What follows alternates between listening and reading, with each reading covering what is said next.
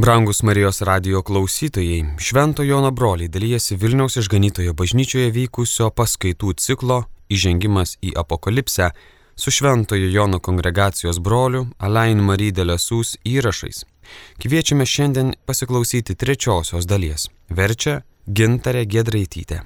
Tęsiu apie bažnyčių angelus. Donc j'ai expliqué pourquoi l'interprétation qui est la plus répandue, qui les comprend comme des anges, à mon avis, est insatisfaisante.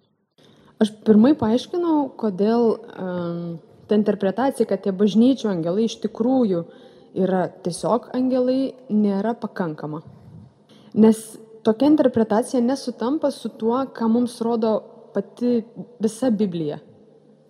Geri angelai daro gerus darbus, Ir niekada nesam matę tokių vietų, kur žmogus perduotų žinę angelui. Visada vyksta atvirkščiai. Manau, kad reikėtų likti ties kita interpretacija. Ji visiškai nenauja, ji labai sena. Jau pirmieji apokalipsės interpretatoriai ją minėjo. Tie bažnyčių kabutėse angelai yra ne angelai, o žmonės. Tai yra atsakingi už tie bažnyčią žmonės. Kai kurie norėjo sakyti, tai viskupai. Galbūt ir viskupai, bet istoriškai mes dar neži mes iš tiesų nežinome, ar tais laikais jau kiekviena iš tų bažnyčių turėjo savo viskupą. Galbūt tai buvo tiesiog kunigai. Ir dėl to aš sakiau, už bažnyčias atsakingieji, nepatikslindamas, kas ar viskupai ar kunigai. Bet galbūt jūs sakysite atsargiai dėmesio, juk tekste kalbama apie angelus. Graikiškai tai sakoma angeloi. Angelas, vienaskaita, angeloi daugiskaita, graikiškai reiškia žinianešys. Ar šis žodis kartais pritaikomas žmogui? Ir atsakymas yra taip. Pateiksiu vieną pavyzdį. Luko 9 skyrius 51-54 eilutės. Atėjus metui, kai turėjo būti paimtas iš pasaulio, Jėzus ryštingai nukreipė savo žingsnius į Jeruzalę. Jis išsiuntė pirmą savęs pasiuntinius. Tie užėjo į vieną Samarijos kaimą paruošti, kur jam apsistoti. Bet kaimo gyventojai nesutiko jo priimti, nes jis keliavo Jeruzalės link. Tai girdėdami, mokiniai Jokūbas ir Jonas sušuko, viešpatė, jei norime, slėpsime ugnį, kristi iš dangaus ir juos sunaikinti. Bet atsisukęs sudraudė juos. Jie pasuko į kitą kaimą. Ką tik girdėjote, kaip Jėzus išsiunčia pirmą savęs pasintinius žinenešius prieš save patį į tą kaimą. Ir graikiškam tekste tas žodis pasintinius yra angeloj. Bet bendrai visuose vertimuose tas žodis angeloj verčiamas kaip pasiuntinys. Ir būtent taip reikėtų suprasti. Čia juk nekalbame apie angelus, kalbama apie Dievo, Kristaus mokinius. Dar tokių pavyzdžių yra daugiau. Bet šitas pats aiškiausias jeigu surandam žodį angelos graikiškame tekste, nereiškia, kad tai iškart būtinai angelas. Ne, tai pasiuntinys žinianešys. Ar tas pasiuntinys angelas ar žmogus, reikia pasigilinti, pasiaiškinti. Ir čia aš manau, kad iš tikrųjų kalbam apie žmonės. Tada tos dvi problemos, kurias minėjau apie tą pirminę interpretaciją, iškart išnyksta. Jėzus kalba Jonui apaštalui. Apaštalas Jonas kreipiasi į vietinius bažnyčių atstovus ir patikė jiems žinę. Čia perdavimo, žinios perdavimo tvarka yra visiškai normali, viskas tvarkoje. O kad tie žinianešiai, biskupai ir kunigai turi trūkumų, jau mūsų nestebina. Visi žmonės turi trūkumų, net pats Jonas jaunystėje turėjo trūkumų. Pavyzdžiui, jau tai matome tame Luko Evangelijos tekste, kurį ką tik skaitėme. Kai Jonas pasiūlo Jėzui ugniai kristi iš dangaus ir juos sunaikinti, tos Samarijos miestus, visgi tai nėra labai gailestingas pasiūlymas. Tada Jėzus jį pataiso, sudraudžia. Taigi to interpretacija, kad tie bažnyčių angelai iš tiesų yra bažnyčių atsakingieji, yra daug natūralesnė ir nekelia problemų. Tiesiog mums atrodo keista, netikėta. Tačiau čia taip pat mums gali padėti Senasis testamentas. Pranašo Malachijo knyga, antras skyrius, septinta eilutė. Juk kunigo lūpos turi saugoti pažinimą, o žmonės turi ieškoti mokymo iš jo lūpų, nes jis galybių viešpaties pasiuntinys. Čia Malachijo knygoje kalbame apie kunigus levitus. Ir čia Malachijas sako, kad levitas yra viešpaties pasiuntinys.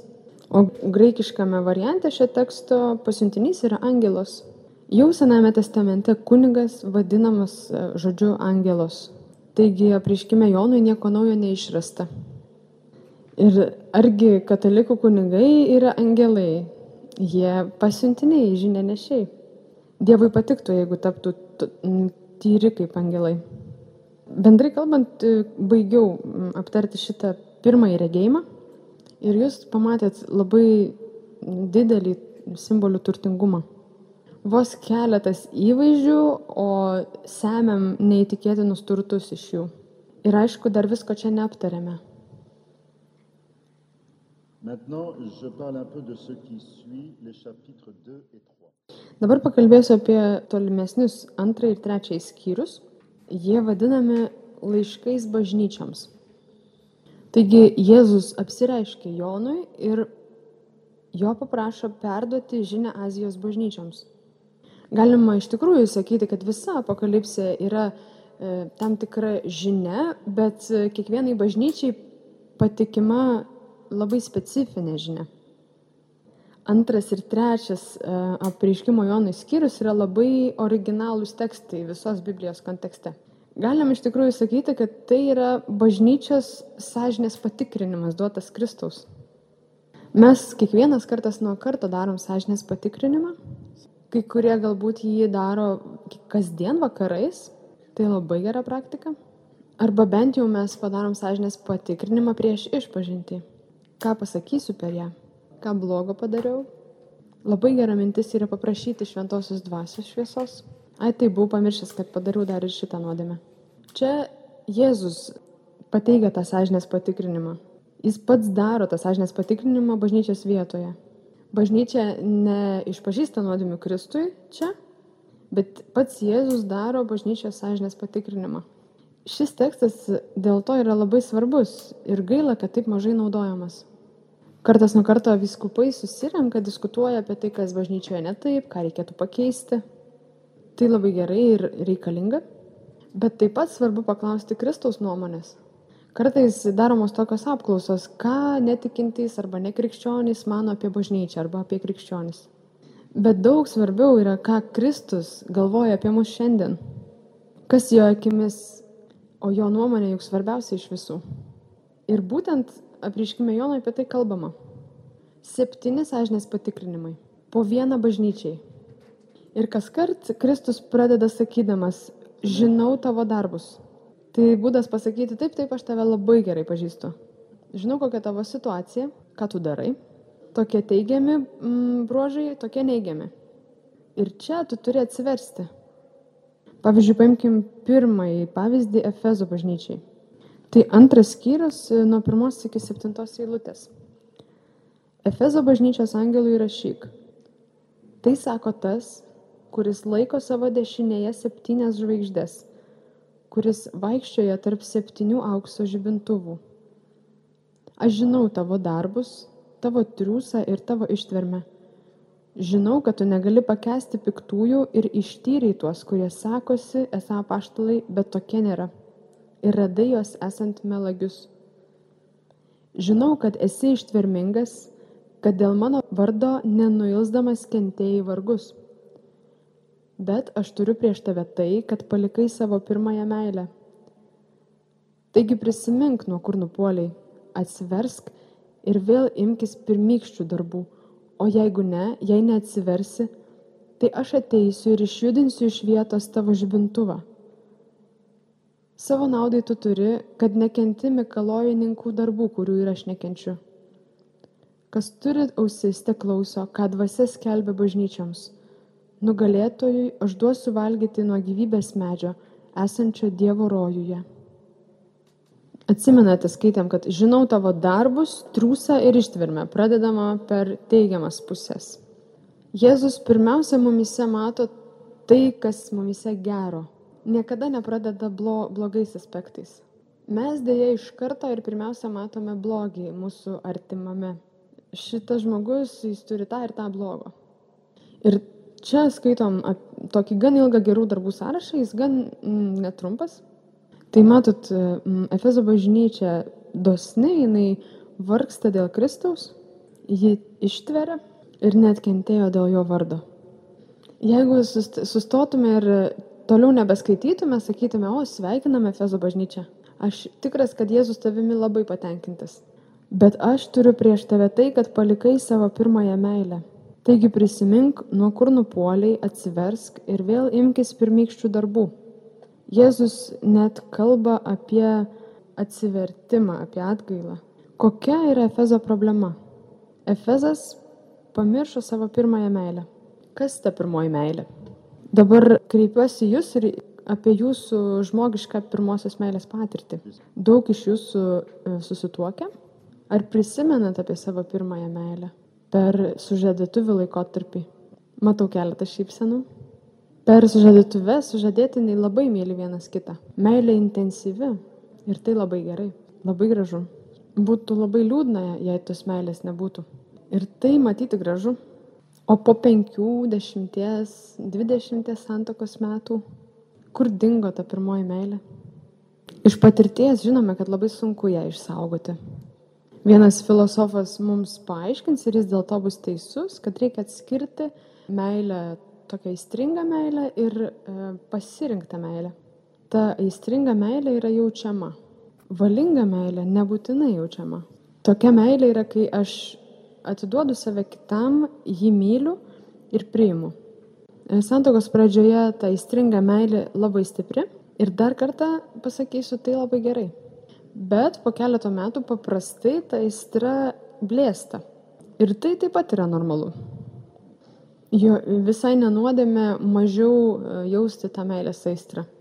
Bet problema atsiranda tada, kai žmogišką meilę mes tiesiog sumenkinam iki aistros. Kadangi jaučiu kažką labai stipraus, reiškia jį labai myliu. Ir pamirštu, kad virš tos aistringos meilės yra sąmoninga ir valinga meilė, dvasinė. Ir po daug metų žmonės sako vienas kitam, aš tave labai mylėjau, bet klausyk, dabar jau nieko nebejaučiu tau. Prieš keletą dienų kažką sutikau ten žmogų tokį gatvį ir vėl staiga pajutau tą meilės ugnį. Tai tave palieku, kad išeičiau su kitu. Bet su kitu istorija pasikartos. Pagrindinis iššūkis su tuoktiniams yra ne tik palaikyti, bet ir auginti dvasinę meilę. Ir visada labai gražu matyti senyvo amžiaus porą, kur vienas kitą labai myli. Ir tai gali būti tam tikras analogas dieviškai meiliai. Efezas buvo mm, jauna bendruomenė. Iš pradžių tikriausiai buvo būdingas naujai atsivertusiųjų uolumas, įkarštis. Gal jūs pažįstat naujai atsivertusių žmonių, jie visada pilni įkarščio dėl Jėzaus. Tai labai gerai. Nes paprastai krikščioniško gyvenimo pradžioje viešpats mums duoda dažnai tą jausminę meilę. Tai Dievo malonė. Ir tada mes galvojam, kad Jėzų mylėti yra nuostabu. Galiu tiesiog valandų valandas būti koplyčiai prieš švenčiausiai sakramentą. Taip gera jausti Jėzaus meilę savo širdyje. Ir po to įvyksta tai, ką labai gerai paaiškina kryžiaus Jonas. Ateina akimirka, kai viešpats pasiima tą jausminę meilę. Jis neatima broliškos meilės, bet mes tą jausminę meilę jaučiam daug mažiau arba visiškai nejaučiam. Nesakau, kad oi kaip yra nuostabu, nieko nejaučiant, sėdėti valandų valandas koplyčioje, e, praleisti daugybę laiko melžiantis, blaškytis, kovoti su išsiblaškimais. Bet kas įvyko, ar Jėzus mane apleido? Ne, Jėzus neapleido manęs. Bet jis nori, kad aukčiau. Kad išmokčiau mylėti jį dėl jo paties. Net ir tokiamis dienomis, kai nieko ypatingo nejaučiu. Pavyzdžiui, einu į mišes, todėl, kad noriu jį susitikti ir žinau, kad jis manęs laukia. Vieną kartą sutikau e, krikščionį pasaulietį, kuris man sako, e, tėve, aš aną sekmadienį neėjau į mišes. O aš jo paklausiau, kodėl? Nes tą sekmadienį, kai jau atėjo laikas išvykti mišes, aš pajutau, kad nejaučiu jokio troškimo į tas mišes eiti. Sakau, nieko labai e, doro, bet tiesiog taip yra. Jis sako, geriau, kad aš neįčiau į mišes. Nes jeigu taip jausdamasis nueisiu, būsiu veidmainis. Visi žmonės galvotų, kad aš atėjau dėl to, kad labai noriu, o aš iš tikrųjų visiškai nenoriu. Todėl pasilikau namie. Sakau, o vargė negali būti. Sakau, mano bičiuli, jeigu jūs lauksit, kol jums ateis savaime troškimas eiti į mišes, galit labai ilgai laukti. Jūs painiojat meilę ir jausmą. Aš einu į mišes ne dėl to, kad širdyje jaučiu liepsnojančią Kristaus meilę, bet dėl to, kad noriu jį susitikti. Tikra meilė yra ta valinga intencija, tai ne jausmas. Taigi, Efezas. Efezui tikriausiai buvo būdingas naujatikių, ta ugnis naujatikių. Tada metai bėgo, tarp Efezo bažnyčios įsikūrimo ir apreiškimo Jonui parašymo yra maždaug 40 metų. Ir per tą laiką bendruomenė prarado savo uolumą į karštį. Ir tai žaidžia Kristaus širdį. Net jeigu yra daugybė teigiamų punktų, taip, taip, tu visą tai turi savo naudai. Bet turi tau priekaištą, tu nebe uolus. Jėzus yra bažnyčios sužadėtinis. Sužadėtinis trokšta, kad jo sužadėtinė būtų uoli. Jėzus visada uolus, o bažnyčia ne visada. Ir todėl Jėzaus širdis sužeidžiama. Ir jis sako, Efezui turi atsiversti. Jis kalba čia apie atsivertimą. Sugrįžk prie savo pirmosios meilės. Vadinasi, būk ir vėl uoli. Yra tas uh, jausminis uolumas, kurį mums duoda Dievas Kaip aiškinau, jis tokį uolumą duoda labiausiai iš pradžių, tada mums viskas krikščioniškame gyvenime atrodo lengva. Ir po to pamažu jis tos jausmus atima ir reikia būti uoliu valingai. Tai reiškia sakyti, aš noriu būti uolus. Ir net jeigu maldoje man ateina daugybė išsiblaškimų, visokių minčių, aš negaliu susikaupti, tai nieko nereiškia, aš lieku ir tiesiog melžiuosi toliau. Jėzau, pirmiausia, aš atėjau ne tam, kad jausčiau švelnumą širdyje, bet tam, kad tave mylėčiau. Ir net jeigu mane palieki tamsybėje, sausroje tokioje, aš lieku. Nes noriu tave mylėti labiau negu tavo dovanas. Tai ir yra uolumas. Ir jis priklauso nuo mūsų. Ir tai yra gana įspūdinga, kad nuo mūsų priklauso, ar būsime uolus ar ne. 20 amžiaus pabaigoje mes gavom tokį labai kraštutinį to pavyzdį motiną Teresę. Tikriausiai matėte jos nuotraukų, vaizdo įrašų apie ją. Ji buvo tokia uoli besimeldžiant. Visada buvo matoma su savo rožiniu rankose besimeldžiant taip uoliai. Ir po to, kai po jos mirties prasidėjo beatifikacijos procesas, mūsų nuostabai buvo atrasta, kad didžiąją laiko dalį ji gyveno tamsumoje ir sausroje viduje. Ji nejautė Jėzaus meilės. Visgi ji išliko nuostabiai uoli. Tai gan kraštutinis pavyzdys, bet aš tyčia jį naudoju. Matote, tai pirmasis laiškas. Ir pats pirmasis laiškas rodo, kad Jėzus labai jautrus uolumui. Tie du, antras ir trečias skyriai rodo, kas Kristaus akise atrodo svarbu. Ko jis pirmiausiai ieško, ko siekia iš bažnyčios? Uolios meilės. Jei jos neranda, jis sužeidžiamas.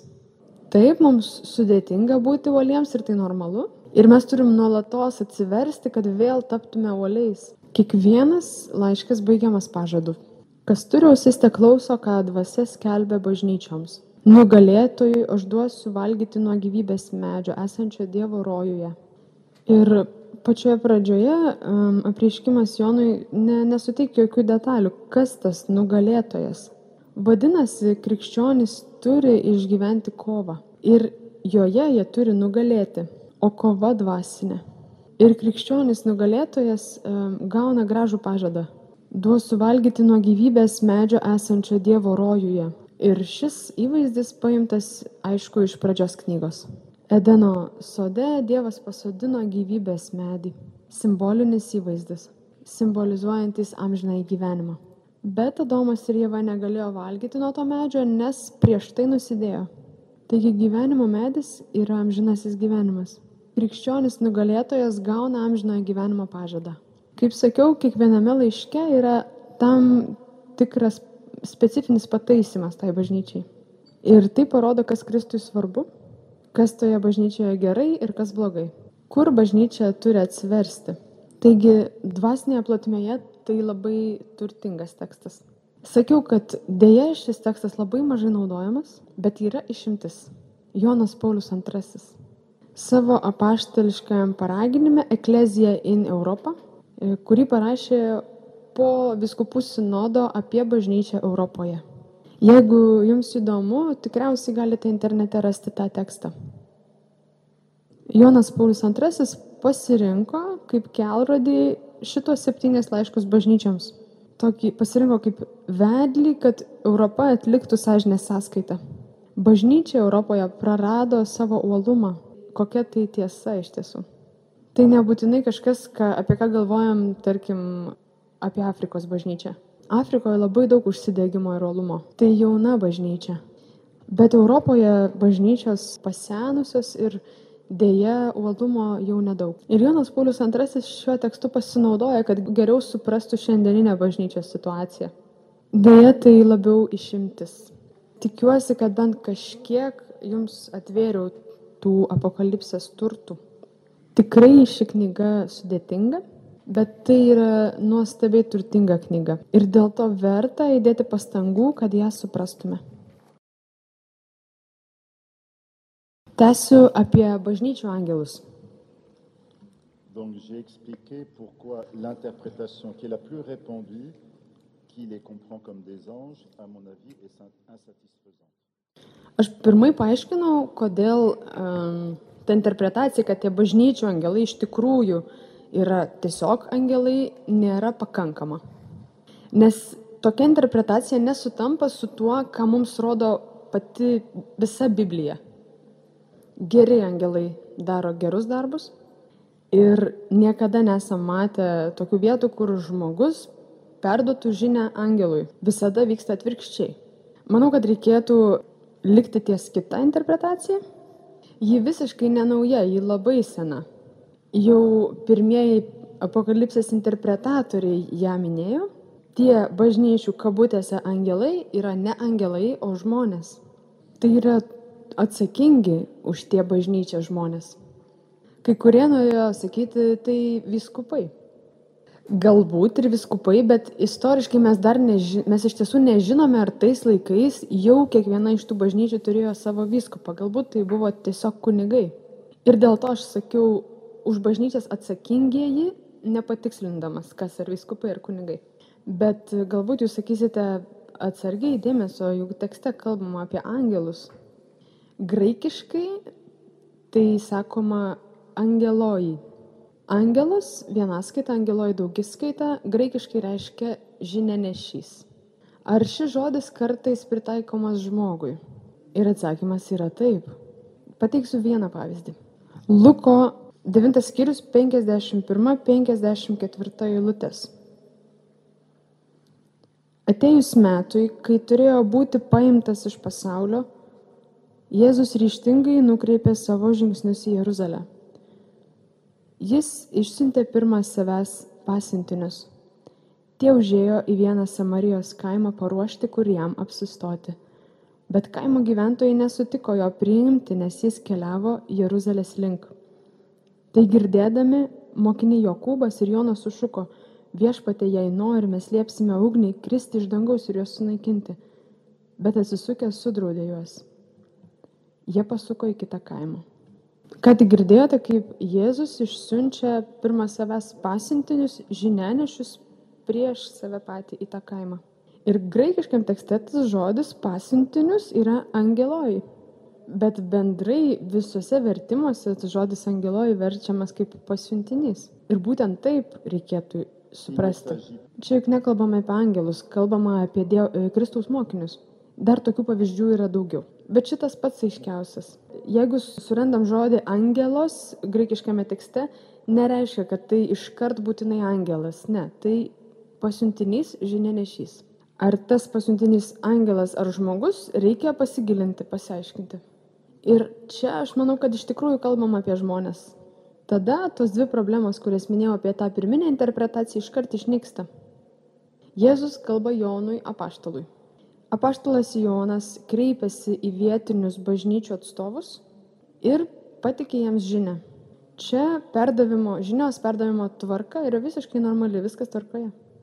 O kad tie žinianešiai, viskupai ir kunigai turi trūkumų, jau mūsų nestebina. Visi žmonės turi trūkumų. Net pats Jonas jaunystėje turėjo trūkumų. Pavyzdžiui, jau tai matome tame Luko Evangelijos tekste, kurį ką tik skaitėme. Kai Jonas pasiūlo Jėzui ugniai kristi iš dangaus ir juos sunaikinti, tos Samarijos miestus, visgi tai nėra labai gailestingas pasiūlymas. Tada Jėzus jį pataiso, sudraudžia. Taigi to interpretacija, kad tie bažnyčių angelai iš tiesų yra bažnyčių atsakingieji, yra daug natūralesnė ir nekelia problemų. Tiesiog mums atrodo keista, netikėta. Tačiau čia taip pat mums gali padėti Senasis testamentas. Pranašo Malachijo knyga, antras skyrius, septinta eilutė. Juk kunigo lūpos turi saugoti pažinimą, o žmonės turi ieškoti mokymo iš jo lūpų, nes jis galybių viešpaties pasiuntinys. Čia Malachijo knygoje kalbame apie kunigus levitus. Ir čia Malachijas sako, kad levitas yra viešpaties pasiuntinys. O graikiškame variante šio teksto pasiuntinys yra angelos. Jau Sename testamente kunigas vadinamas žodžiu angelos. Taigi apriškime Jonui nieko naujo neišrasta. Ir argi katalikų kunigai yra angelai? Jie pasiuntiniai, žinia nešiai. Dievui patiktų, jeigu taptų tyri kaip angelai. Bendrai kalbant, baigiau aptarti šitą pirmąjį regėjimą ir jūs pamatėt labai didelį simbolių turtingumą. Vos keletas įvaizdžių, o semiam neįtikėtinus turtus iš jų. Ir aišku, dar visko čia neaptarėme. Maintenant, je parle un peu de ce qui suit les chapitres 2 et 3. Dabar pakalbėsiu apie tolimesnius antrą ir trečią skyrius. Jie vadinami laiškais bažnyčiams. Taigi Jėzus apsireiškia Jonui ir jo paprašo perduoti žinę Azijos bažnyčioms. Galima iš tikrųjų sakyti, kad visa apokalipsė yra e, tam tikra žinia, bet e, kiekvienai bažnyčiai patikima labai specifinė žinia. Antras ir trečias e, apreiškimo Jonui skyrius yra labai originalūs tekstai visos Biblijos kontekste. Galim iš tikrųjų sakyti, kad tai yra bažnyčios sąžinės patikrinimas duotas Kristaus. Mes kiekvienas kartas nuo karto darom sąžinės patikrinimą. Kai kurie galbūt jį daro kasdien vakarais. Tai labai gera praktika. Arba bent jau mes padarom sąžinės patikrinimą prieš išpažinti ką pasakysiu per ją, ką blogo padariau. Labai gera mintis yra paprašyti šventosios dvasios šviesos. Ai, tai buvau pamiršęs, kad padariau dar ir šitą nuodėmę. Čia Jėzus pateigia tą sąžinės patikrinimą. Jis pats daro tą sąžinės patikrinimą bažnyčios vietoje. Bažnyčia neišpažįsta nuodėmių Kristui čia, bet pats Jėzus daro bažnyčios sąžinės patikrinimą. Šis tekstas dėl to yra labai svarbus ir gaila, kad taip mažai naudojamas. Kartas nuo karto viskupai susirenka, diskutuoja apie tai, kas bažnyčioje ne taip, ką reikėtų pakeisti. Tai labai gerai ir reikalinga, bet taip pat svarbu paklausti Kristaus nuomonės. Kartais daromos tokios apklausos, ką netikintys arba nekrikščionys mano apie bažnyčią arba apie krikščionys. Bet daug svarbiau yra, ką Kristus galvoja apie mus šiandien. Kas jo akimis o jo nuomonė juk svarbiausia iš visų. Ir būtent apriškime Jono apie tai kalbama. Septyni sąžinės patikrinimai. Po vieną bažnyčiai. Ir kas kart Kristus pradeda sakydamas, žinau tavo darbus. Tai būdas pasakyti, taip, taip, aš tave labai gerai pažįstu. Žinau, kokia tavo situacija, ką tu darai. Tokie teigiami mm, bruožai, tokie neigiami.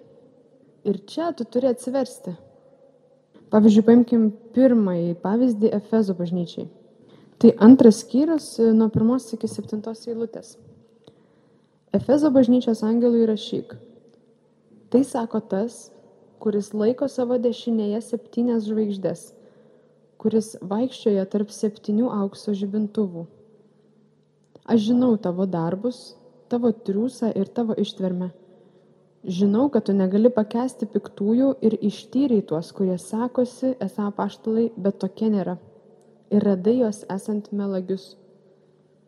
Žinau, kad esi ištvermingas, kad dėl mano vardo nenuilsdamas kentėjai vargus. Bet aš turiu prieš tave tai, kad palikai savo pirmąją meilę. Taigi prisimink, nuo kur nupoliai, atsiversk ir vėl imkis pirmykščių darbų, o jeigu ne, jei neatsiversi, tai aš ateisiu ir išjudinsiu iš vietos tavo žibintuvą. Savo naudai tu turi, kad nekenti mikalojininkų darbų, kurių ir aš nekenčiu. Kas turi ausis, te klauso, ką dvasia skelbia bažnyčioms. Nugalėtojui aš duosiu valgyti nuo gyvybės medžio, esančio Dievo rojuje. Atsimenate, skaitėm, kad žinau tavo darbus, trūsą ir ištvermę, pradedama per teigiamas pusės. Jėzus pirmiausia mumise mato tai, kas mumise gero. Niekada nepradeda blo, blogais aspektais. Mes dėja iš karto ir pirmiausia matome blogį mūsų artimame. Šitas žmogus, jis turi tą ir tą blogo. Ir čia skaitom tokį gan ilgą gerų darbų sąrašą, jis gan mm, netrumpas. Tai matot, mm, Efezo bažnyčia dosni, jinai vargsta dėl Kristaus, ji ištveria ir net kentėjo dėl jo vardo. Jeigu sustotume ir toliau nebeskaitytume, sakytume, o sveikiname Efezo bažnyčią. Aš tikras, kad Jėzus tavimi labai patenkintas. Bet aš turiu prieš tave tai, kad palikai savo pirmąją meilę. Taigi prisimink, nuo kur nupoliai, atsiversk ir vėl imkis pirmykščių darbų. Jėzus net kalba apie atsivertimą, apie atgailą. Kokia yra Efezo problema? Efezas pamiršo savo pirmąją meilę. Kas ta pirmoji meilė? Dabar kreipiuosi jūs ir apie jūsų žmogišką pirmosios meilės patirtį. Daug iš jūsų e, susituokia? Ar prisimenat apie savo pirmąją meilę? Per sužadėtuvių laikotarpį. Matau keletą šypsenų. Per sužadėtuvę sužadėtiniai labai myli vienas kitą. Meilė intensyvi ir tai labai gerai, labai gražu. Būtų labai liūdna, jei tos meilės nebūtų. Ir tai matyti gražu. O po penkių, dešimties, dvidešimties santokos metų, kur dingo ta pirmoji meilė? Iš patirties žinome, kad labai sunku ją išsaugoti. Vienas filosofas mums paaiškins ir jis dėl to bus teisus, kad reikia atskirti meilę, tokią aistringą meilę ir e, pasirinktą meilę. Ta aistringa meilė yra jaučiama. Valinga meilė nebūtinai jaučiama. Tokia meilė yra, kai aš atiduodu save kitam, jį myliu ir priimu. E, Santokos pradžioje ta aistringa meilė labai stipri ir dar kartą pasakysiu, tai labai gerai. Bet po keleto metų paprastai ta aistra blėsta. Ir tai taip pat yra normalu. Jo visai nenuodėme mažiau e, jausti tą meilės aistrą. Bet problema atsiranda tada, kai žmogišką meilę mes tiesiog sumenkinam iki aistros. Kadangi jaučiu kažką labai stipraus, reiškia jį labai myliu. Ir pamirštu, kad virš tos aistringos meilės yra sąmoninga ir valinga meilė, dvasinė. Ir po daug metų žmonės sako vienas kitam, aš tave labai mylėjau, bet klausyk, dabar jau nieko nebejaučiu tau. Prieš keletą dienų kažką sutikau ten žmogų tokį gatvį ir vėl staiga pajutau tą meilės ugnį. Tai tave palieku, kad išeičiau su kitu. Bet su kitu istorija pasikartos. Pagrindinis iššūkis su tuoktiniams yra ne tik palaikyti, bet ir auginti dvasinę meilę. Ir visada labai gražu matyti senyvo amžiaus porą, kur vienas kitą labai myli. Ir tai gali būti tam tikras analogas dieviškai meiliai. Efezas buvo mm, jauna bendruomenė. Iš pradžių tikriausiai buvo būdingas naujai atsivertusiųjų uolumas, įkarštis. Gal jūs pažįstat naujai atsivertusių žmonių, jie visada pilni įkarščio dėl Jėzaus. Tai labai gerai. Nes paprastai krikščioniško gyvenimo pradžioje viešpats mums duoda dažnai tą jausminę meilę. Tai Dievo malonė. Ir tada mes galvojam, kad Jėzų mylėti yra nuostabu. Galiu tiesiog valandų valandas būti koplyčiai prieš švenčiausiai sakramentą. Taip gera jausti Jėzaus meilę savo širdyje. Ir po to įvyksta tai, ką labai gerai paaiškina kryžiaus Jonas. Ateina akimirka, kai viešpats pasiima tą jausminę meilę jis neatima broliškos meilės, bet mes tą jausminę meilę jaučiam daug mažiau arba visiškai nejaučiam. Nesakau, kad oi kaip yra nuostabu, nieko nejaučiant, sėdėti valandų valandas koplyčioje, e, praleisti daugybę laiko melžiantis, blaškytis, kovoti su išsiblaškimais. Bet kas įvyko, ar Jėzus mane apleido? Ne, Jėzus neapleido manęs. Bet jis nori, kad aukčiau. Kad išmokčiau mylėti jį dėl jo paties. Net ir tokiamis dienomis, kai nieko ypatingo nejaučiu. Pavyzdžiui, einu į mišes, todėl, kad noriu jį susitikti ir žinau, kad jis manęs laukia. Vieną kartą sutikau e, krikščionį pasaulietį, kuris man sako, e, tėve, aš aną sekmadienį nejau į mišes. O aš jo paklausiu, kodėl? Nes tą sekmadienį, kai jau atėjo laikas išvykti mišes, aš pajutau, kad nejaučiu jokio troškimo į tas mišes eiti. Sakau, nieko labai e, doro, bet tiesiog taip yra. Jis sako, geriau, kad aš neįčiau į mišes. Nes jeigu taip jausdamasis nueisiu, būsiu veidmainis. Visi žmonės galvotų, kad aš atėjau dėl to, kad labai noriu, o aš iš tikrųjų visiškai nenoriu. Todėl pasilikau namie. Sakau, o vargė negali būti. Sakau, mano bičiuli, jeigu jūs lauksit, kol jums ateis savaime troškimas eiti į mišes, galit labai ilgai laukti. Jūs painiojat meilę ir jausmą. Aš einu į mišes ne dėl to, kad širdyje jaučiu liepsnojančią Kristaus meilę, bet dėl to, kad noriu jį susitikti. Tikra meilė yra ta valinga intencija, tai ne jausmas. Taigi, Efezas.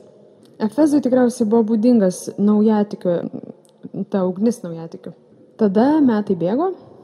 Tarp Efezo bažnyčios įsikūrimo ir apreiškimo Jonui parašymo yra maždaug 40 metų. Ir per tą laiką bendruomenė prarado savo uolumą į karštį.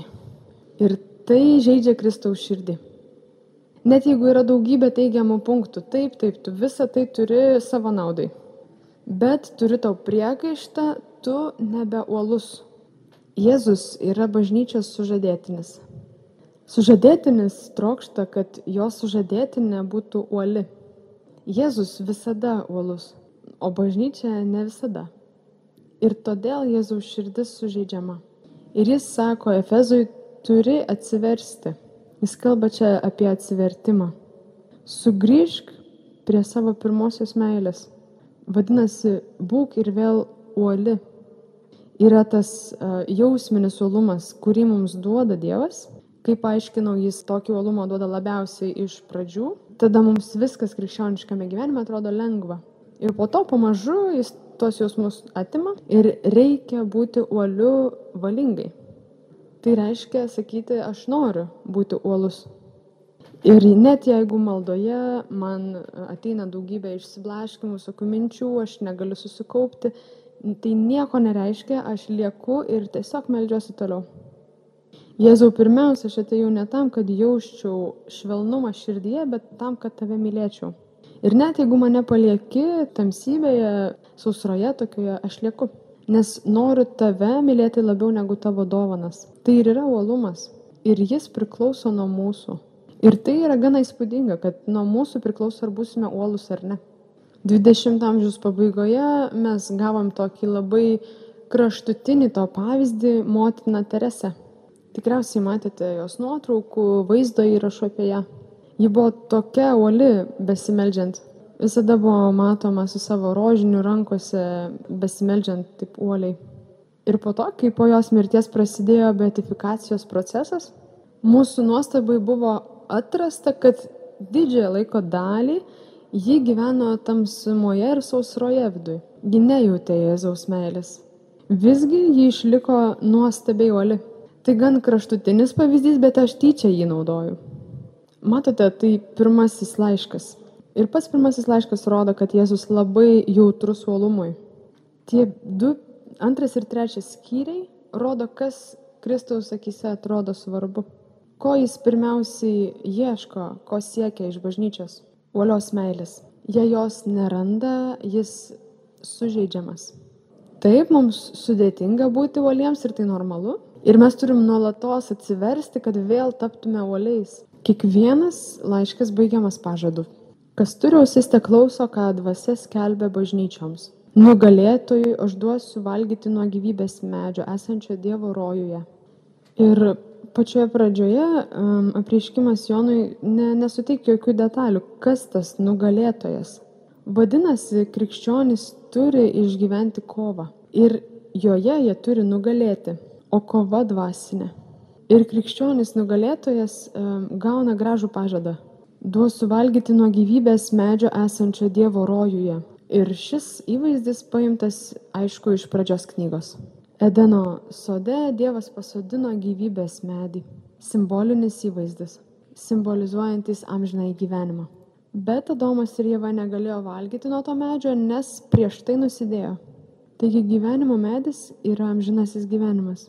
Krikščionis nugalėtojas gauna amžinojo gyvenimo pažadą. Kaip sakiau, kiekviename laiške yra tam tikras specifinis pataisimas tai bažnyčiai. Ir tai parodo, kas Kristui svarbu kas toje bažnyčioje gerai ir kas blogai, kur bažnyčia turi atsiversti.